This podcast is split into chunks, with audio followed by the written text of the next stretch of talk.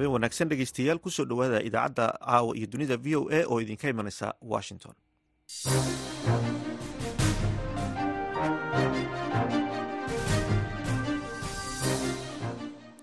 waa habeen jimcaha bisha februari ee sanadka waa waxaad naga dhagaysanaysaan mawjadaha gaagaaban ee iyo mitrban iyo boggeena internetka ee v o a somaly com. Saacadda afrikada bari waa afartii galabnimo idaacadda caawiyo dunida v o a waxaa idinla socodsiinaya anigoo ah xuseen barre aadan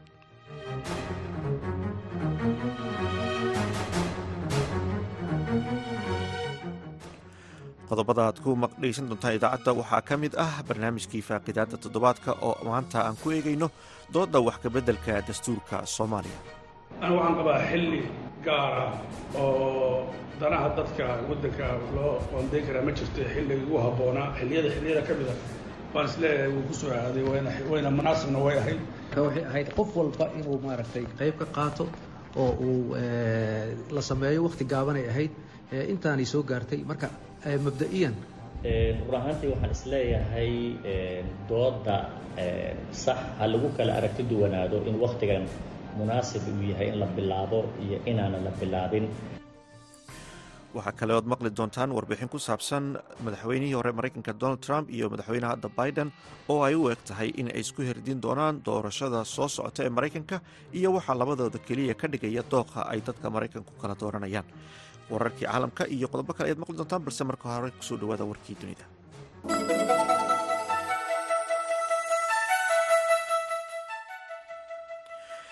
maamulka madaxweyne biden ee dalkan maraykanka ayaa khamiistii shalay u digay iiraan in jawaab deg deg ah oo daran oo kaga iman doonta beesha caalamka haddii ay iiraan siiso gantaalada boolistiga ruushka.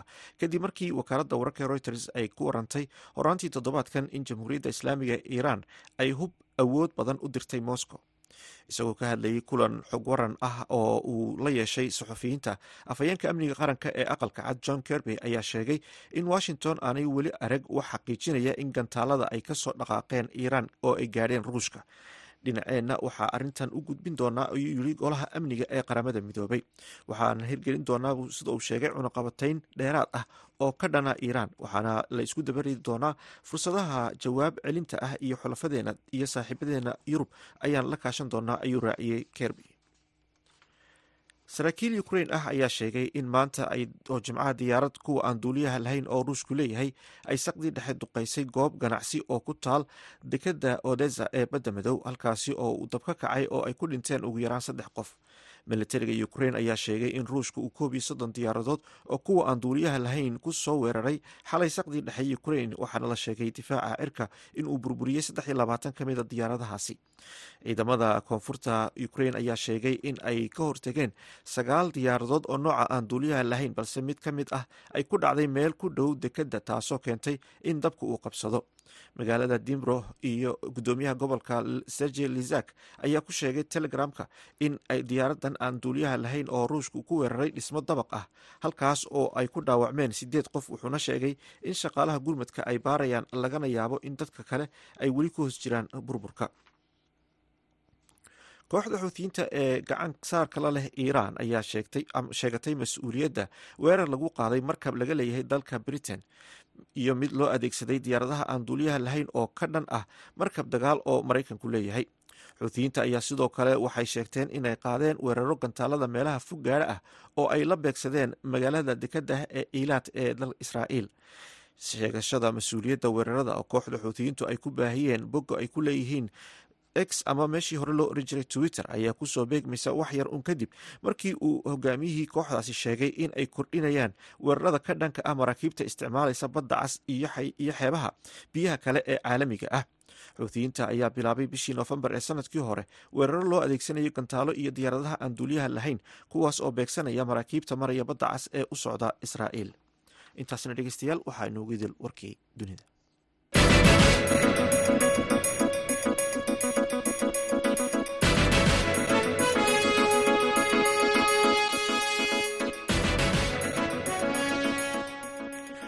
halkaad dhegeystayaad nagala socotaan waa laanta af soomaaliga idaacadda v o a.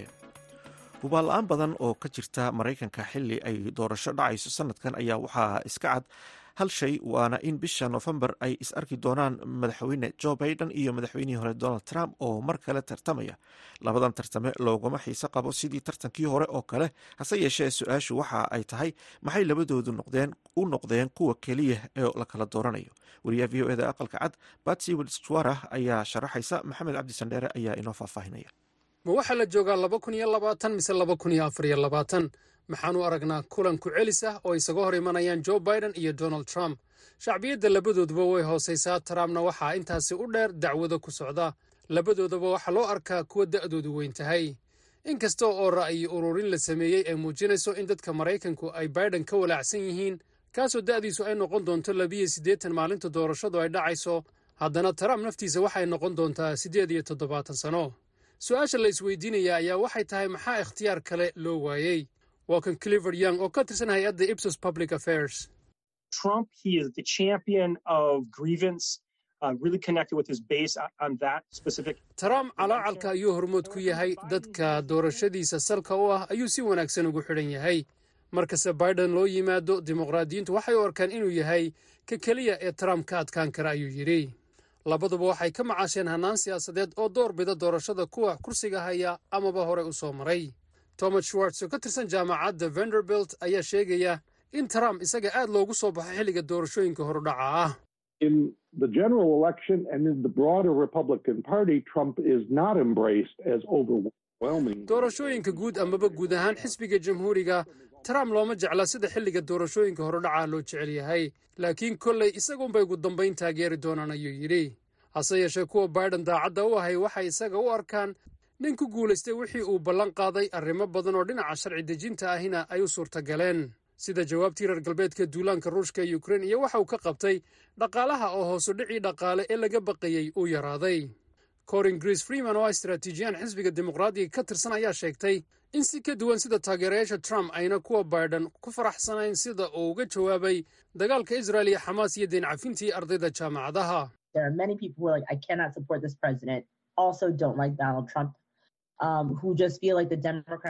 waxay tidhi waxaa jira dad badan oo aan taageeri karin madaxweynahan kuwaasi oo sidoo kale aan jeclayn trump. Waxay dareemaan in xisbigooda dimuqraadigu uu mar walba iyaga gabo ayay tidhi. Taas micnaheedu waxa weeye in inkastoo weli doorashada ay ka hadhsan tahay siddeed bilood haddana ay aad u adag tahay in tartamo kale uu olole kala hortago trump amaba biden. Marka ilaa midkoodu tartanka ka hadho dadka maraykanku ma haystaan ikhtiyaar aan labadooda ahayn aad ayuu mahadsan yahay maxamed cabdi xasan oo inala socodsiinaya warbixintaasi. Gabar haysatay dhalashada dalka britain asal ahaana ka soo jeeda dalka suuriya oo iyadoo ciyaal iskuul ah britain ka tegtay si ay ugu biirto daacish ayaa lubisay rafcaankeedii ugu dambeeyey jimcaha maanta ah rafcaankaasi oo ku aadanaa ka qaadista dhalashada boqortooyada britain. Warbixin arrintan v o ed oo ka qortay waxaa inoo soo koobaya maxamed colaad xasan. Dowladda britain ayaa sheegtay in shamiisa begam ay ka qaaday dhalashada sababo la xiriira amniga qaranka britain wax yar kadib markii laga helay xero lagu hayo dadka oo ku taala dalka suuriya. Begam oo hadda sano jira ayaa ku dooday in go'aanka uu ahaa mid aan sharci ahayn sababtoo ah saraakiisha ingiriisku waxay ku guul daraysteen inay si saxa u tixgeliyaan bay tiri iyo in kale inay ahayd dhibane si sharci darro ah lagu tahriibiyey iyo in kale. Doodaasi oo ay soo jeediyeen qareenada gabadhan ayaa waxaa diiday maxkamadda hoose ee ku taala britain bishii februari sannadkii maanta oo jimcaha ayaa maxkamadda racfaanka ee london ay diiday racfaan ay xukunkaasi ka qaadatay bishii oktoobar garsoore sui car ayaa tiri waxaa lagu doodi karaa in go'aanka inkiiska mrs begam uu ahaa mid adag waxaa kaloo lagu doodi karaa in miss begam ay tahay tan qorotay buugga nasiib darrada nolosheeda. Ma aha in maxkamaddan ay ogolaato ama khilaafto labada dhinacba. Hawshayada keliya ayaa ah in aan qiimayno in go'aanka diidmada uu ahaa sharci darro iyo in kale. Waxaana ku soo gebagabaynay inuu sharci darro ahaa. Sidaasina racfaankii ayaan ku diidnay ayay tiri dowladda britain ayaa soo dhoweysay xukunkan. Muhiimaddayada ayaa weli ah ilaalinta amniga qaranka u k waxaanan si adag u difaaci doonaa go'aan kasta oo la sameeyo. Sidaasina waxaa yidhi afhayeen u hadlay wasaaradda arrimaha gudaha ee dalka britain. Qareenada begam ayaa ugu baaqay britain inay dib ugu soo celiso gabadhaasi iyo kuwo kale oo ku sugan syriya iyagoo ku tilmaamay go'aanka diidmada maxkamadda racfaanka wax laga xishoodo. Waddan kasta oo kale ayaa dib u qaatay muwaadiniintiisii waxaana ka mid ah faransiiska germany belgium maraykanka kanada iyo australia. Sidaas waxa uu ku doodaya qareen gareth birs oo ah qareenka bigam maruu la hadlayay wariyaasha. Waxa uu yidhi waddan kasta oo arrintan oo kale ay la soo gudboonaatay ayaa mowqif ka qaatay wuxuuna qaatay in muwaadiniintooda ay dib u soo celiyaan. U k hadda arrintan waa ku keligeed buu yidhi. Britain ayaa dib u celisay toddobiyo toban qof tan iyo bishii desembar ee sannadkii labada kun sagaaliyo tobankii.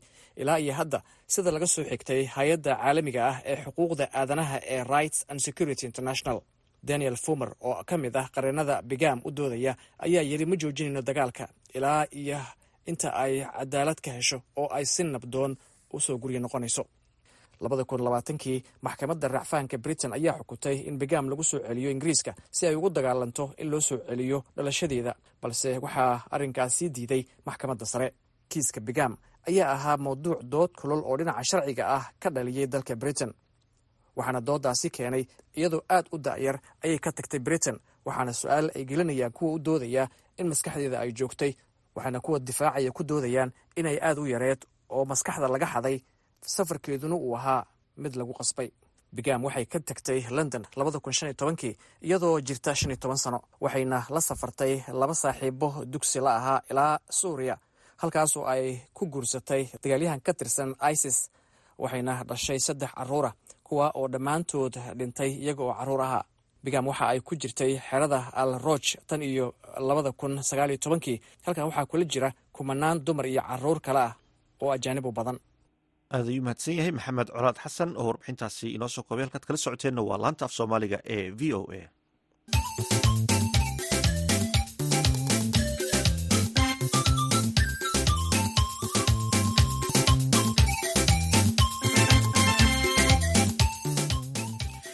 halkaad weli nagala socotaan waa laanta af soomaaliga idaacadda v o a.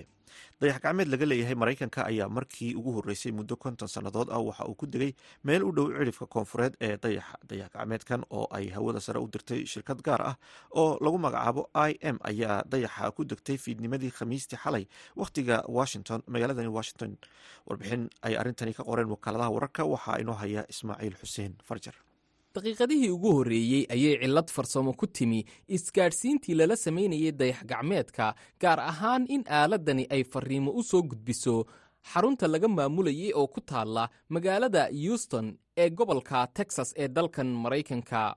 Daqiiqadihii ugu horreeyey ayaa ahaa kuwo culays badan ku hayay shaqaalaha iyo farsamoyaqaanada la socday xaaladda dayax gacmeedka. Muddo toban daqiiqo ah ayay qaadatay in farriimo laga helo dayax gacmeedka kadib markii ay shaqayn weyday mid ka mida warlalisyada muhiimka ah ama anteenooyinka ku xidhan.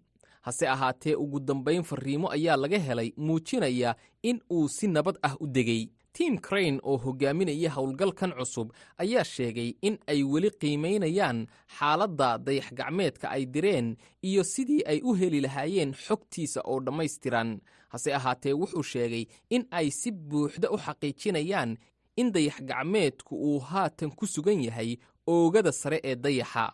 Waa markii ugu horreysay ee maraykanku uu dayax gacmeed diro tan iyo wixii ka dambeeyey sannadkii toddobaatankii dayax gacmeedkan ay dirtay shirkadda gaarka loo leeyahay ee intuitive machines ayaa noqonaya kii ugu horreeyey ee ay dirto shirkad gaar loo leeyahay kuna dega dayaxa oogadiisa shan dal oo keliya ayaa dayax gacmeed ku dejiyey dayaxa guudkiisa kuwaas oo kale ah maraykanka ruushka shiinaha jabaan iyo hindiya. Aad ayuu mahadsan yahay. Ismaaciil xuseen farjar oo warbixintaasi nala socodsiinaya. Halkaad kala socoteenna waa laanta af soomaaliga v o a. Haatanna dhegeystayaal ku soo dhowaada barnaamijkii faaqiidaada toddobaadka oo aan maanta ku eegeyno dooda wax kabeddelka dastuurka soomaaliya. Cabdulqaadir maxamed cabdulle ayaa inoo soo jeedinaya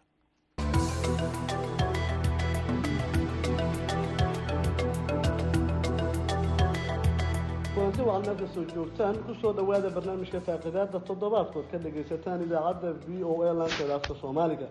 Toddobaadkana barnaamijka faaqidaada waxaynu ku eegi doonaa bal wax kabeddelka dastuurka kumeelgaarka iyo dib ueegisiisa xilligan ma tahay wakhtiga ugu habboonaa. Maxayse taa doodaha waaweyn ee ku haraysan wax kabeddelka dastuurka siisiinta qaarkood ay qabaan?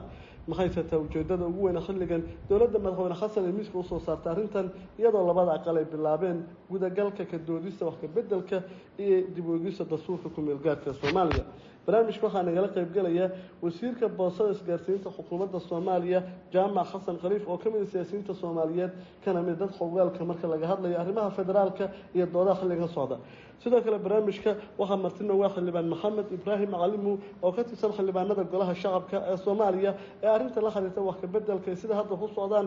Maalmihii soo la soo dhaafa ka mid ahaa siyaasiyiinta sida weyn ama xildhibaanada arrintan uu arkayay inaysan ahayn waktigii ugu habboonaa ama uun dad uu ka qabay. Sidoo kale barnaamijka waxaa nagala qaybgelaya xildhibaan cabdirasaaq xusul oo ka mid a xildhibaanada golaha shacabka ee arrinta wax kabeddelka dastuurka iyo dib uegista xilligan sida weyn u taageersan sidoo kale doodaha looga hadlay arrinta dastuurka waxaa goobjoog ka ah oo korjoogteynaya maalmihii la soo dhaafa bulshada rayidka soomaaliyeed oo iyagu tegaya xarunta villa hargeysa oo doodu ay ka socoto. Waxaana barnaamijka nala joogo nagala qaybgeli doona brofesor liibaan ciise oo ka mid a bulshada rayidka aqoonyahanka soomaaliyeed. Daraasaadka saarna ka dhiga jaamacadda muqdisho. Dhammaantiin aada baad umahadsantiin ku soo dhawaada barnaamijka faaqidaada toddobaadka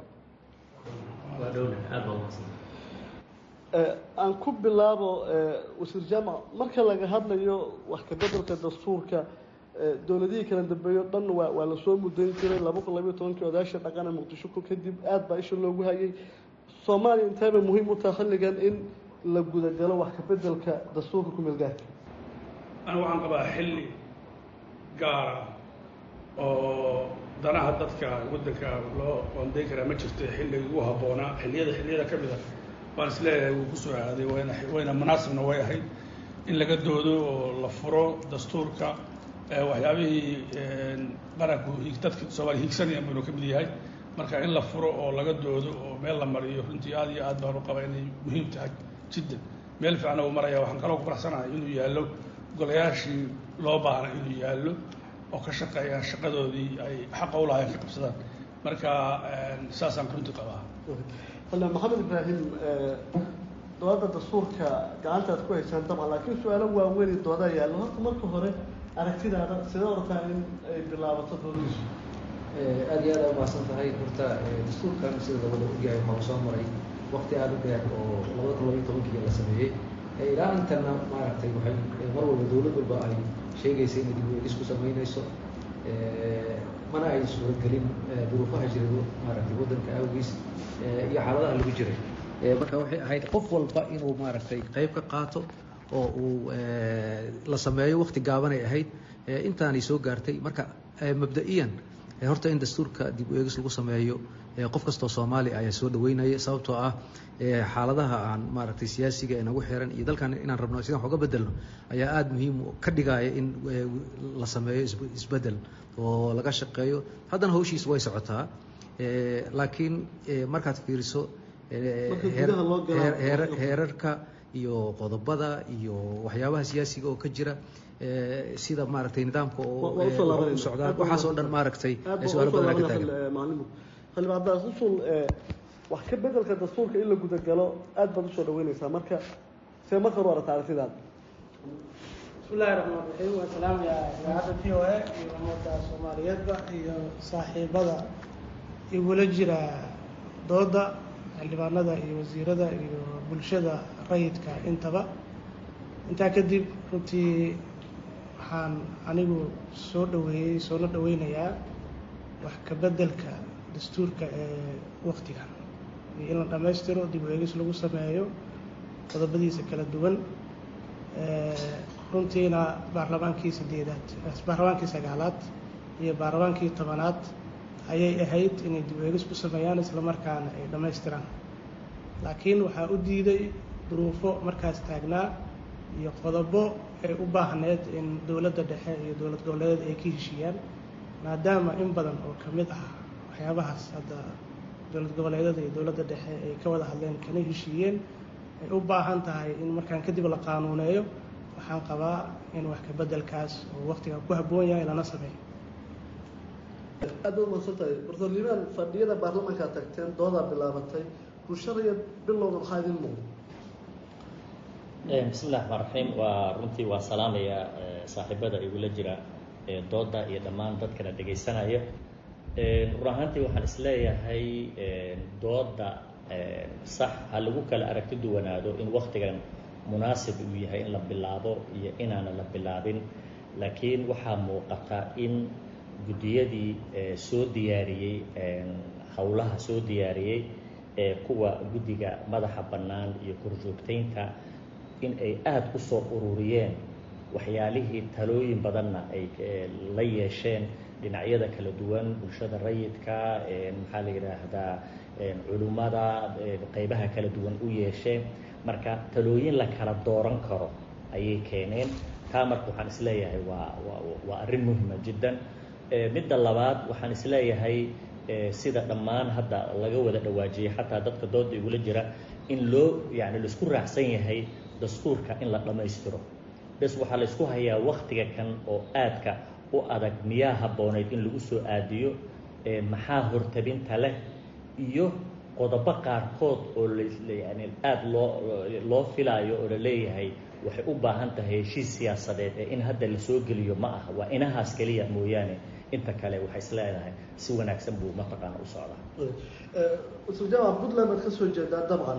Puntland wadahadalada iyo waxa hadda socda sida u diidaneed ee madaxweyne dani waxaad ogtaha waxa laga hadlayana waa heykalka dowladnimada in wadankan uu aado madaxweyne madaxweyne ku-xigeen marka siyaasi ahaan seed u aragtaa in iyadoo puntland banaan joog tahay arrinta laga hadlo. Horta waxaa muhiima inaynu isla fahano oo dadka soomaaliyed fahmaan dastuurka hawshiisa iyo gudagalkiisa iyo shaqadiisa hay'ado gaaraha leh oo xil saaran. Waxaana qabaa inay taalla meeshii ugu habboonay. Hay'adda labada aqal ee baarlamanka soomaaliyeed baana gacanta ku haya waxaana qabaa kalsooni ah sida uu sheegay walaalkay oo kale tusaale ahaan inay kuna filan yihiin. Marka la gaadho talada dadka soomaaliyeed gobollada la geeyo oo la soo lafaguro oo laga doodo khubradii aqoonta u lahayd iyo dadkii shaqada ku lahaa waa gacanta ku hayaan. Markaas waxay noqon doontaa dowladnimada waan sheegay waana ku celinaya meeshii shaqada ku lahayd bay taallaa dastuurku yaallaa aqoonteeda iyo meesha la marinaya waa ku filan yihiin. Marka iyaga dhaaftana dowladda meesha taalla waxaa weeye xildhibaanada labada gole waxay matelayaan dhammaan shacabka soomaaliyeed degmo walba. Waa dhici karta in dad soomaaliyeed ka maqan yihiin dee soomaalida kuma dhamaan karto. Laakiin matelaad saxa ka jirta sida hadda aynu joogno markaa dooda dastuurka wax ka bedelkiisa iyo dhamaystirkiisu meeshaaday u yaallaan marka waxaa loo baa waana process bilaabmay. Waxaa laga doodayey ma la furaa ama yaan la furin waad garanaysaa dooda la soo maray. Runtiina waxaa saxsaneed mar walba in la furo laga wada hadlo oo dhulka la dhigo. Shakiga ku abuuran ee la siyaasadaha ku gadaamanna waxaan qabaa inayn maanta oolin waxaa yaalla gacantaa lagu hayaa waa laga shaqaynayaa talooyinkay u baahan yihiin marka aad baa maadanta xule maxamed ibraahim maxay tahay qodobada ama meelaha aad duraysa as leedihiin siyaasiyiinta ka mid tahay waktigeeda lama joogo horta waxaa ugu muhiimsan waxa waaye waad og soomaaliya dastuurkan iyo dowladnimadan waxay ka timid soomaaliya oo kala tagtay oo dagaallo sokeeya ay dhaceen ayaa waxaa la tagay meesha la yidhaahdo carta. Nidaam baa lagu heshiiyey. Nidaamkii maaragtay waxaa looga gudbay nairobi haddana la tegay labada kun iyo afartii oo dowladdii cabdullahi yuusuf allah u lagu soo dhisay. Soomaalidu waxbay isla qaadatay oo ilaa intan ay ku soo dhaqmaysay wixii aan ku dhaqmaynay ayaa waxaa la yidhi waxaan wax ka wanaagsan aan raadinno. Markii sidaa aragtidaas la qabo waa aragti fiican laakiin sida loo wajahayo waa wada ogol siyaasadeed. Sababtoo ah dad soomaaliyeed waxaan matalayaan koox gaara ma matalayaan magaalo gaara kama shaqaynayso. Marka waxaa ka muhiimsan soomaaliya hadda intay ku wada joogto inay ku wada joogto haddii ay xaaladdu ka sii xumaanayso oo dadku kala qaybinayo marka marka waxa ugu muhiimsan marka waxaan rabnaa marka in dadka soomaaliyeed oo dhan maaragtay qof walba dee qof walba waa ogol yahay in tal loo yeero laga wada qayb galo si maaragtay wadar ogala laakiin haddii aan dhahno wixii la iska dhameeyo walaalow runta marka laga hadlaayo annaga baarlamaan aan nahay baarlamaankeenana waa ognahay xaaladiisa iyo siday ku yimaadeen iyo sida lagu joogo iyo waxa go'aankooda yahay. Haddii maaragtay meel walba gacanta la iska taagana wax walba madaxda soomaalida wadato madaxweynaha uu wato cid ka hor imaanaysa ma jirto. Laakiin waxaas waxay maaragtay ay fashilmi doonaan sababto waxaad og tahay dowladdan dowladaa ka horreysay. Madaxweyne farmaajo wuxuu baarlamaanka waxyaabo maaragtay u ansixiyeen laba sano in maaragtay lagu daro oo doorasho la aado may shaqaynin hadda daniya ugu dambeeyey madaxweyne daniya wuxuu yidhi maaragtay doorashaan tagaaya way soco weyse sababtoo ah rabitaanka dadkaa ka weyn. Marka waxaan ogeyn meesha ayna geynayso waxaan rabnaa meesha ayna geynayso waxaan rabnaa dadku inay ka wada qayb galaan maamulada maaragtay ay ay ka wada qayb galaan oo qof walba taladiisa la geliyo. Hadda tala soo jeedinaa jirto dada wax kala maayan qof yiri ma jirto yaa la bedelin. Laakiin madax soomaaliyeed qaarkood waxay soo jeedisay in loo cagdhigo oo laga wada tasho haddii haddii meel gaara iyo deegaan gaara lagu maaragtay uu ka shaqayn doono ma aqaano laakiin haddii la rabo waxaan soomaali inay ku midowdo waa in maaragtay qof walba laga qayb geliyaa. Waxaan jeclaan laha horta xildhibaanka runtii waa ixtiraamaya aada iyo aad waxaan qabaa hadduusan naa xog iyo isaga wixii ilaahay gacantiisa u soo geliyey hadduusan ka gacan taagan inuu ku filan yahay. Waxaan rabaa hal mid aan xuso. Horta dastuur iyo dowlad maamulkeed hoggaan baa iska leh hoggaamada qarankuna way kala duwan yihiin. Waxaan rabaa inaan la wadaaga xildhibaanka in dastuurka la dhammaystiro waxay u baahan tahay courage waxay u baahan tahay go'aan waxay u baahan tahay dadnimo waxay u baahan tahay kalsooni. Dowladda maanta joogta go'aanka ay qaadatay waxaa weeyaan dastuurka in la dhammaystiro. Dastuurka madaxweynuhuna ma leh. Qof gaaran ule ma jiro. Dadka soomaaliyeed ee noole xildhibaanada yaa u dhammaan karaa fiiri institution kasta oo adduunka jira shaquu leeyahay. Dastuur meesha uu shaqada ku ka bilaabanaysa waa baarlamaanka caalamkao dhanna waxaa dastuurka u qora waa la yaqaan tusaale idiin sheegaya. Waddanka maraykanka aad taqaaniin. Shan bilood baa loo fadhiya dastuurkiisa. Delegatekii sida baarlamanada oo kale ah xildhibaanada haddii la fadhiyo kala ah baa gole isugu yimi waxay ka doodayeen in la refays gareeyo articleskii gobolladu ay lahaayeen la refays gareyo laisu keeno. Dadkii guddidaha waxay garteen oo markay doodeen garteen in loo baahan yahay system dowladeed oo kan duwa kan dastuurka maraykanka taqaaniin shantaa bilood baa meel loo fadhiyey dadkaasaa go'aansaday. Go'aanka dastuurka waxbedelkiisa shaqadiisa waxaa iska leh aqal yaan la durin dadka soomaaliyeed caqligooda. Waxaan anigu waa aaminsana wixii xildhibaanada iyo golayaasha ka dhiman waa dalban karaa cid gaaro male laakiin waa in la helaa ikhtiyaarkii. Tusaale ahaan hoggaanka qaranka ee maanta jooga wuxuu la yimi iyo dowladda xukuumadda soomaliya maanta go'aan cad oo ah waxyaabaha laga tallaabo waa in la khasbaa waxyaabaha aynu soo marnay waxaa ka mid ah dastuurka ka baxsan oo aynu qabsannay oo aan aada loogu dhiran jirin. Waxaa ka mid cafis baa ka mid waxyaa badan baa ka mid ah. Marka tanna wuxuu ka mid yahay qayb weyn oo dadnimada dowladnimadeena saldhig u ah. marka ikhtiyaar baan leenahay maanta insha allah. Xildhibaan xusul walaaca uu qaba saaxiibka xildhibaan macalimu ee la xiriira ee isku koobidda iyo siyaasadaynta gaar ahaan wax ka bedelka heykalka dowladnimada. Maxaa xilliga si gaar loogu doorbidaa wadanku baarlamentarian u ahaa madaxweyne u lahaa ra'isul wasaar u lahaa. Hadda maxay tahay doodan madaxweyne madaxweyne ku-xigeenku yay dan gaar ugu jirtaa anigoo ixtiraamaya dooda saaxiibkay macalimu ayaa haddana waxaan rabaa inaan bulshada soomaaliyeed u caddeeyo dastuurka sida wax looga bedelayo iyo cidda iska leh in ay wax ka beddesho iyo habka ay marayso ay raacayso waddada ay marayso intaba isla dastuurkana qeexaya cutubkiisa shan iyo tobanaad qodobada boqol soddon iyo labo boqol soddon iyo lix iyo boqol soddon iyo toddoba. Cidda ay siinayaanna waxay tahay waa baarlamaanka. Baarlamaanka labadiisa aqal waxay matalaan dadka soomaaliyeed ee kala duwan iyo deegaanada soomaaliyeed ee kala duwan cidda kale uu tabsan yahay saaxiibkay xildhibaan macalimow ou rabo inay wax ka beddelka dastuurka ay iyadu yeelato. Uu rabo inuu isaga dastuurka awooddii asiga uu siiyey uusan u isticmaali karin. Ayaan ka rabaa inuu aada u caddeeyo runtii baarlamaanka iskale guddiyaana ugu xil saaran oo midna baarlamaanka uu ansixiyey midna baarlamaanka uu shaqsi shaqsi ama xubin xubin ugu codeeyey oo midna uu yahay guddiga dastuurka ee madaxa bannaan midna uu yahay guddiga heer baarlamaan oo labada aqal ay ku wada jiraan oo korjoogteyn ku leh dib u eegista iyo dhammaystirka dastuurka. Waayadii dambena saaxiibkay macalimu bahda iclaamku ka yimid ama warbaahinta wuxuu arkayay wasaaraddii iyo guddiyadii oo talo weydiinaya bulshada qeybaheeda kala duwan hadda waxaa nala fadhiya bulshada rayidka qeyb ka mid ah oo xubin ka mid ah oo runtii qirtay in talagelin uu maray oo bulshadu ay mareen.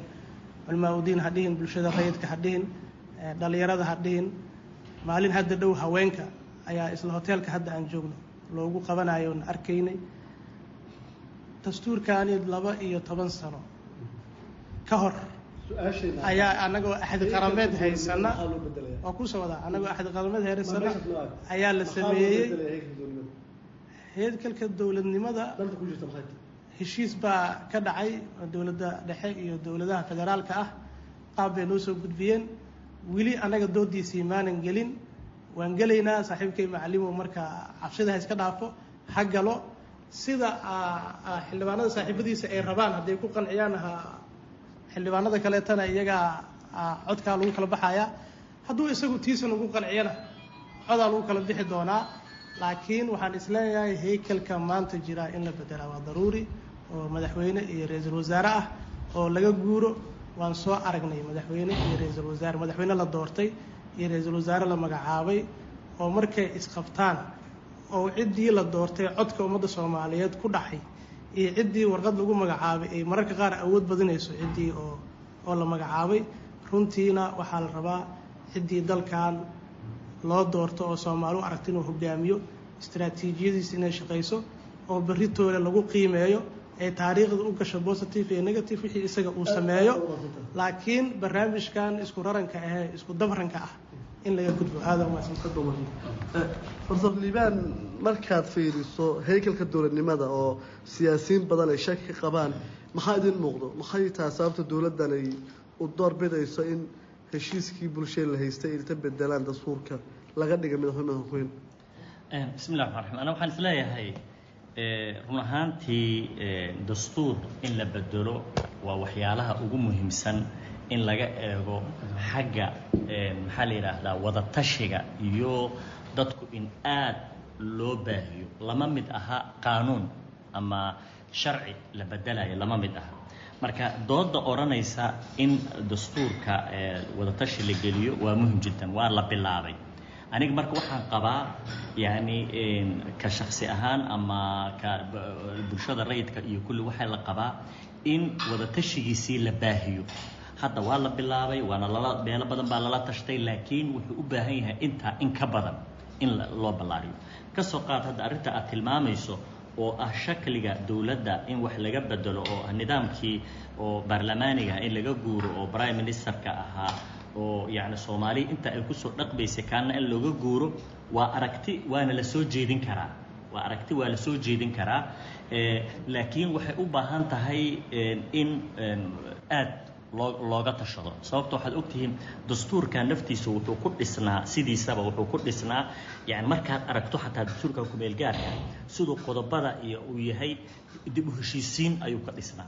Marka haddii wax laga bedelayo weli marxaladda dib heshiisiinta ma aanan ka bixin waxay u baahan tahay in talada la ballaariyo.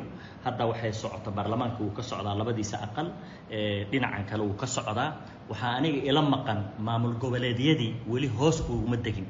Ani waxaan qabaa waxa la yidhaahdo baarlamaanadii maamul goboleedyada inay talo xoog leh ku yeeshaan. Ma aha madaxda maamul goboleedyada keliya iyo madaxda qaranka keliya inay go'aan ka gaaraan inay kaa sameeyaan maadaama arrimaha dastuurka ay yihiin.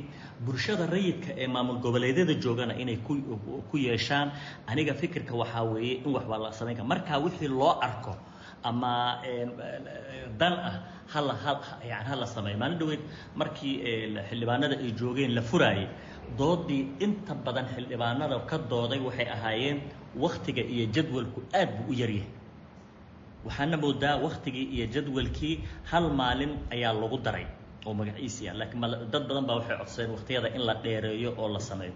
Anigu waxay la tahay in mawduuca laga hadlo lala faro guro dadka ay qusayso oo dhan macnaha dhammaan soomaalidu inay ra'yigeeda ka dhiibtaan meeshii loo batana ama ay noqotona in lagu afgooyo. Laakiin marnaba yani inay teeramka kan in la dhammaystiro anigu waan qabaa laakiin waxay u baahan tahay talada in la ballaariyo. Wasiir jaamac marka laga yimaado inaad xukuumadda ka mid tahood u ololeynaysaan ama ama ama dowladnimada hadda jirta aad xubin ka tahay miyaysan kuu muuqan walaaca ay qabaan siyaasiyiintood og tahay go'aano la gaaray baarlamaan in wax kamidya laga soo qaado. Miyaysan miyaysan talo badan u baahnayn. Xildhibaanku laba tusaale kuu sheegay oo baarlamaankan ka horreeyay gaareenoo waxba kamidyada laga dhigay. Sababtuna waxay aheeday aragti siyaasiyiin iyo dareen bulshaa loo bedelay oo ay u laabteen. Marka maalin kasto intii faraha la isku fiiqi lahaa in laga doodo maysan ahayn? Bismillah horta in yar ban xusaya intaan oo ah.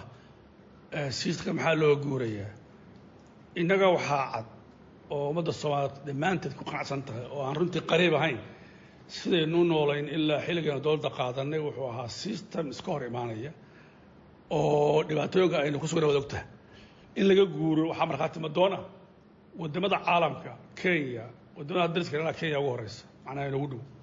Kenya laba golba waxay qaateen prime minister iyo iyo madaxweyne.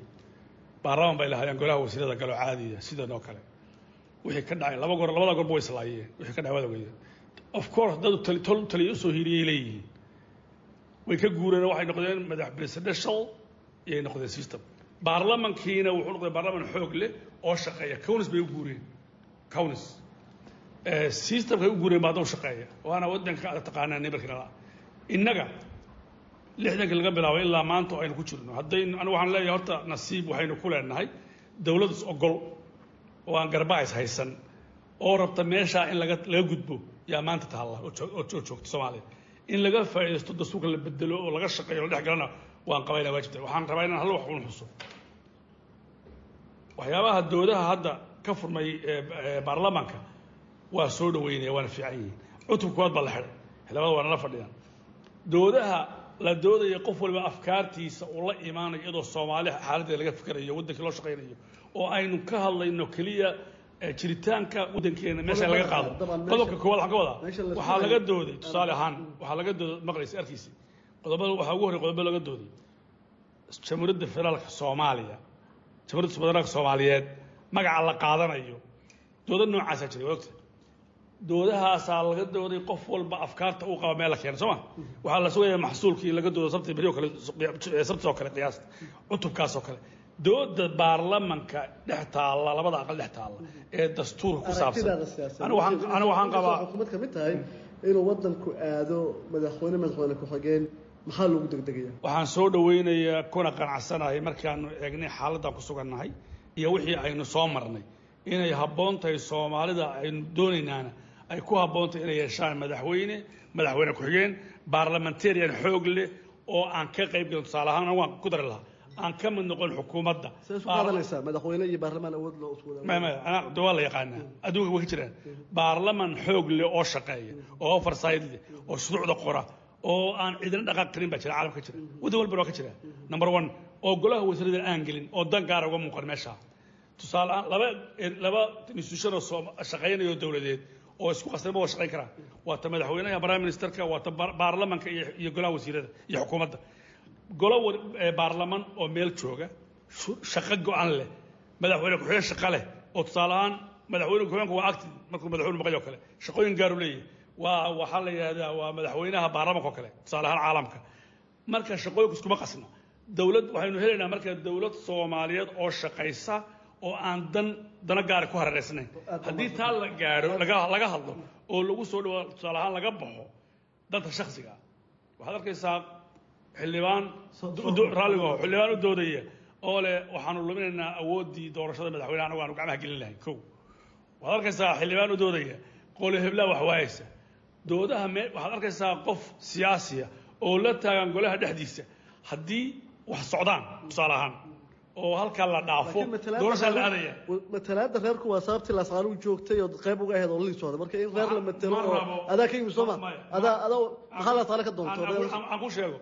Ma rabo laascaanood soomaaliya ka go-an. Ma rabo laascaanood sadbursiya doorisa ma rabo. Waxaan rabaa laascaanood waxay ka mid tahay gobollada kale ka mid tahay. Yaa la mid tahay. Waxaan rabaa inaan arko laascaanood iyo magaalo kastoo soomaaliyeed oo xor ah oo soomaali ku xidhan. Fiiri oo system ay ka duulaan laakiin meel baad matashaa waqti gelisay doorasha doorasha la aadaya may may anigu soomaali baan matalaa of course magaala ku dhashay waa sax laakiin waxaan rabaa baan ku yidhi laascaanood oo keligeed nool ma rabo waxaan rabaa laascaanood sharaf leh oo soomaali la nool oo dastuura sharci halwa maxamed haddii aad aaminsan tahay in wax ka bedelka dastuurka dood la gelsho goormuu soo dhammaana runtii horta sida ay ahayd in soomaali ay ka doodo oo dadka loo wada maaragtay fidiyo oo qof walba ra'yigiisa uu ku soo ururiyo oo bulshada rayidka culamaa u diinka waxyaaba badan oo diinta qoseeyaa jira. Waxaasoo dhan in lagu soo ururiyay ahayd dowlad goboleedyada laftoodu maaragtay soomaalida madaxday ka mid yihiin. Ra'yigooda laga siiyo sax dee wax walba ma boqol kiiba boqol ma wada noqonayaan laakiin in aragti laga siiyay ahayd. Sida hadda aad arkayso ama wax u socdaan markaad fiiriso waxay u muuqataa in la siyaasadeeyey wixii deg degaa ku jira soomaalidan waxay tiraa deg deg door ma dhasho. Dalka haddii ujeedku yahay in soomaali laysku hayo waxaa wanaagsan in la tartiibsado. Caqabado badan turanturooyin badanaa lala kulmaa waa sax. Laakiin in mar walba hadda horta xildhibaanada shaqadu way leeyihiin. Laakiin waad og tahay oo shaqada marka la qabanayo waxay u baahan tahay in haddee xamar lagama fulinayo jasiire lagama fulinayo. Waxa hawsha laga qabanayo waa soomaali. Soomaalidii haddaynan ku qanacsanayn oo midkii boorama joogay iyo kii boosaaso joogay aanay ku qanacsanayn iyo kii kismaayo joogay haddee maxamara lagu haynaya marka waxaa la rabaa marka in dadka soomaaliyeed aanan la siyaasadaynin oo aan laga dhigin shaati siyaasadeed qof uu maaragtay ra'yigiisa ku saleeyay innaga waa ognahay hadda wasiirka ka hadlaya wuxuu yidhi waxaan rabnaa xildhibaano oo ka madax bannaan dowladda oo awood leh. Macnaheedu wuxuu og yahay inaanan awood lahayn oo aan baaba'nahay og yahay wixii la raba nala marsiinayo marka ogow waxa ka imaan kara mustaqbalka marka waxa meesha ka imaanaya waxaan rabnaa marka in si ay maaragtay mustaqbalka u noqoto mid soomaali ay u midayso walaalo waxa meeshan ka socdo waa la ogyahay meesha ku dhammaanaya gacantaan taagaynaa waana la yaqaanaa waxaan nahay haddee laakiin waxaa loo baahan yahay waxaas ra'yigii ma hal meel ka yimid waaye? Sidee meelihii kale loo loo aqbalsiinaa waa ani arrinta soomaali shaqadaas waxay ahayd in loo madax banneeyo dowladdu ay u madax bannayso baarlamaanka. Oo baarlamaanku guddiyay leeyihiin la baxo oo inta la sameeyo la diro oo ay tagaan kismaayo tagaan oo ay jowhar tagaan oo puntland tagaan oo shaqada la qabto oo civil society-ga laysku laro oo arrintu ay arrin madax bannaan noqoto. Ma jiraan waxa dhan waa la sunneeyaa walaalo. Bulshada rayidka maaragtay ra'yigooda in laga qaadanayo in kale ilaah baa og. Culummada maaragtay ra'yigii soo jeedin doona. Hadda annaga marka waxaan fiirinay sababtoo ah waxaa la yidhahdaa maaragtay roobkii da daruurtiisaa la gartaa siday wax ku soo bilowdeen markaad aragta deg dega walaalow meelaa loo socdaa anigu ma garanayo meeshaas waxaa fiicnaan lahayd inay soomaali meelay u midaysan tahay ay ahaato xildhibaan meesha loo socdo anaa kaa shafeeca waxaad rabtaa dastuur wakti kooban aada isha loogu hayo loogu doodsan yahay inaad meel marsiisaan sida xildhibaanku qabo runtii waa mahadsan yahay saaxiibkii macalimow doodiisa laba qodoboo muhiimaha ku jirtay. Mid waxay ahayd in uu qiray inuu u baahan yahay dastuurkani in dib u eegis lagu sameeyo lana dhammaystiro lamber labo wuxuu kaloo haddana qiray uu caddeeyey cidda hawshaasi iska leh dib u eegista iyo dhammaystirka inay tahay baarlamaanka. Hadda baarlamaankan hadda joogo annaga iyo asigaba aan ka wada tirsannahay waayo mid cusuboo malaa'iga ma imaanaye. Waxaan rabaa inuu nala ogolaado walaalkeen in dastuurka hawshiisa aan galno. Walaalkay soo sheegay doctor liibaan ahna ustaadkayga runtii wuxuu sheegay in xildhibaano badan ay codsadeen waktiga xildhibaanadii codsadaan ka mid aha. Waxaan hadalkayga ku jirtay jadwalka isagoo sidiisa ah saacadaha shaqada iyo maalmaha aan badino saacadihiina sidaan wada ognahay. Waa la badiyey. Maalmihiina intii way ka gudbeen. Cutub kasta oo wakti dheeraada iyo u baahdo saacado dheeraadana sidaasoo kale uu heli doonaa.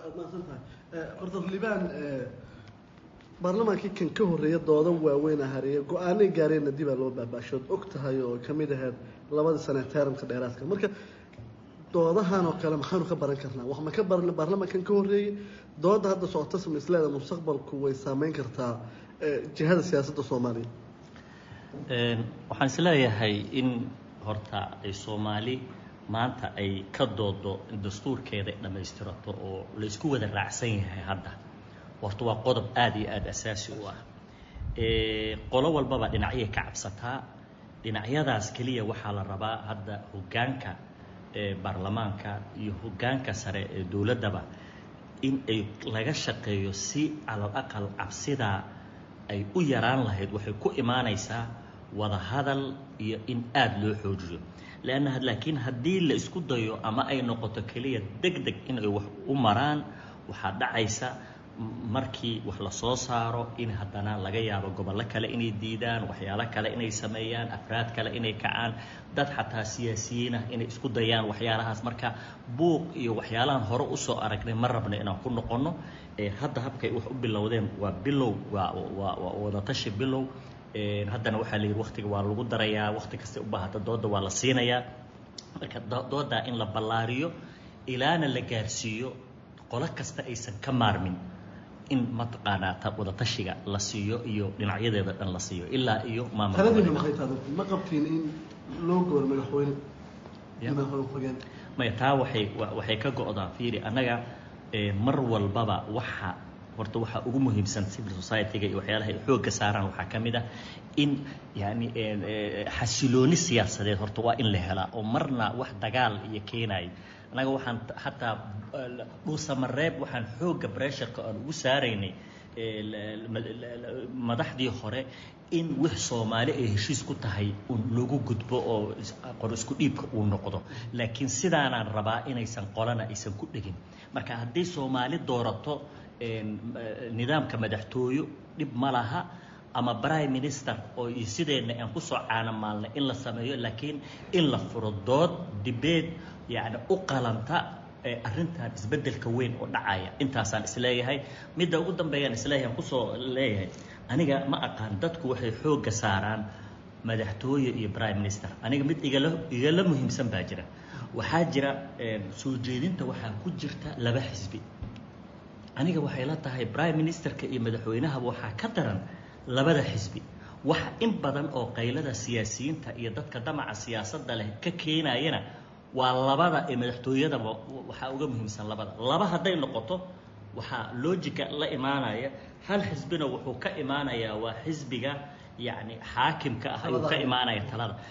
Inta kale ee siyaasiyiina isu taga oo hal xisbi soo abuura oo markaa nala tartama xoogaa meeshaasaa cabsi laga qabaa marka meeshaasna markii laga hadlay hadda dad badan oo mataqaana dastuurka raggadiyaan waxay meel wax ku xiran ma leh. Labaa la soo jeediyey saddex iyo afar iyo shan waa la soo jeedin karaa. Marka dooda ha la furo ha laga jeediyo dhinaca laakiin hal dhinac keliya inaan lagu dhigin aad baad mahadsantahay ugu dambeyntii su'aasha dhanka ugu dambeysa dabcan sidee lagu heli karaa dood bilaabatay wada ogol ah oo soomaalidu ay isku jaakataa adoo soo koobay suuragal maaha waxaan rabaa hal wax inaan wadaago. Dowlad baynu leenahay dowladda mas'uulka ah. Hagidda waddanka shacabka soomaaliyeed meel ka soo joogaan. Dastuurkuna wuxuu ka mid yahay waxyaabaha saldhigayna oo aan rabna ka shaqayno. Golayaa fiiri golay fiiri. Waddankan gumaysi buu ku jiray. Soomaali baa diidanay inuu xoroobo. Dagaal sokeeyanu gallay. Soomaali baa gelisay. Hadday cid kale u shaqeeyaan taagan yihiin. Danaha iyaga gaarka waa ku ablay garanayaan waxaan u baahanoo rabnaa danaha gaarka ah ee dadka soomaaliyeed istusayaan ee shaksiyaadka tusayaan ee gadayaan. Ummadda soomaliya looga digo oo la barkiyo oo la yidhaahdo dowladda maanta joogtaa go'aan bay qaadatay. Waa go'aan qadhaadh laakiin maxsuulkiisu noqon doono dastuur dhammaystiran oo tale la geliyey oo gobollada la geeyey oo qof kasta ka tala bixiyey oo fiiri oo culummadu ka hadashay oo shaqaynaya. Haddaan ta waxaan rabaa hal wax inaan ku raali ku soo dhaweeyo walaalkay xildhibaan macallimu.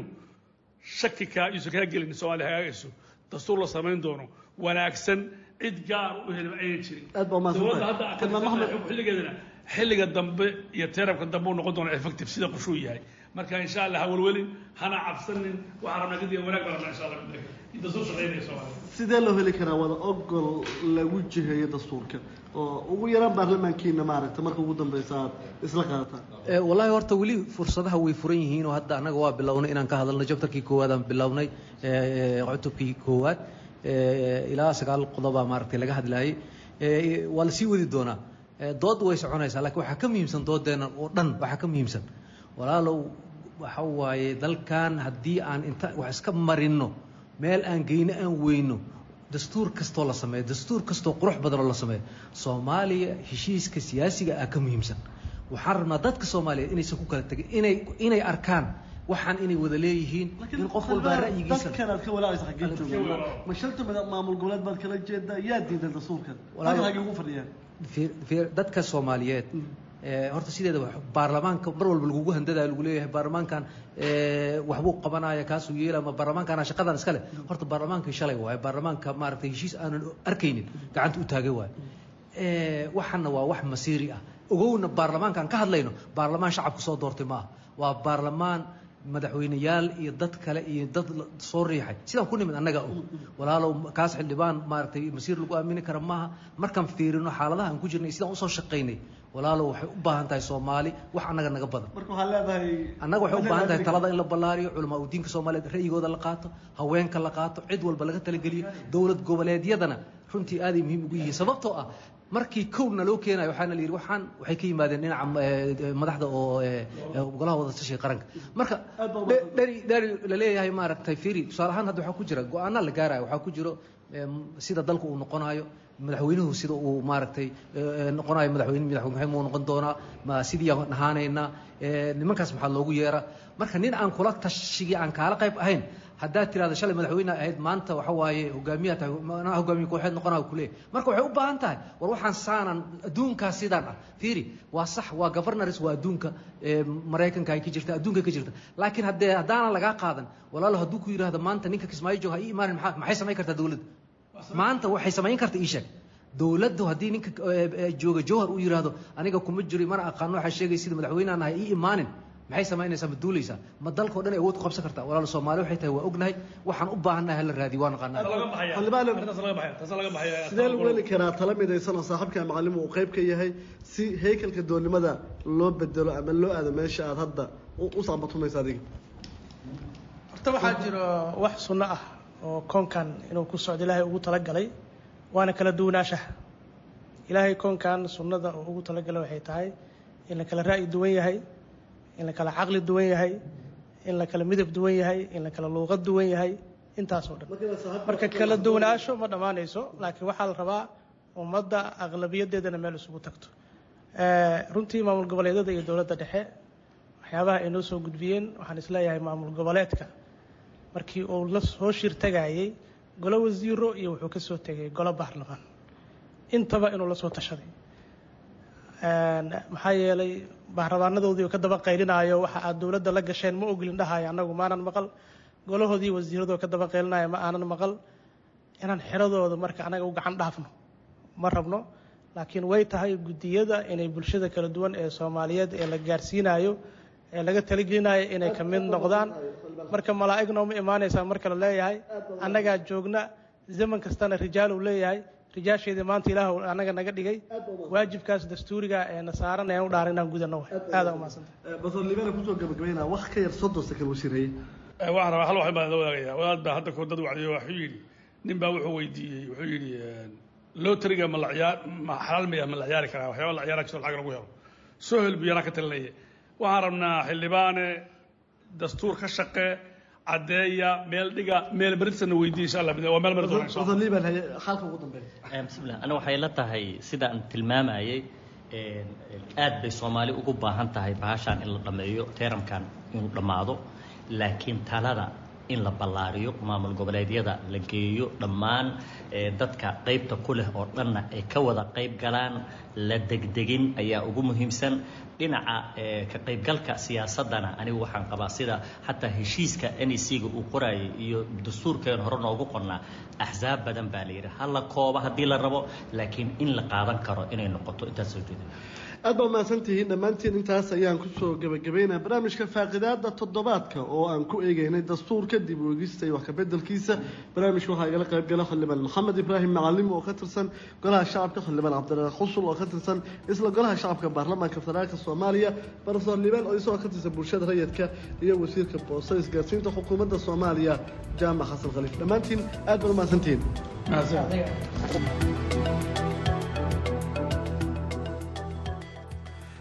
aad ayuu mahadsan yahay cabdulqaadir okey oo nala socodsiinayey barnaamijkaasi faaqidaada toddobaadka halkaad kala socoteenna waa laanta af soomaaliga v o a. Markan aynu ku wada nasanno mid ka mid a heesaha aan idinku tala galnay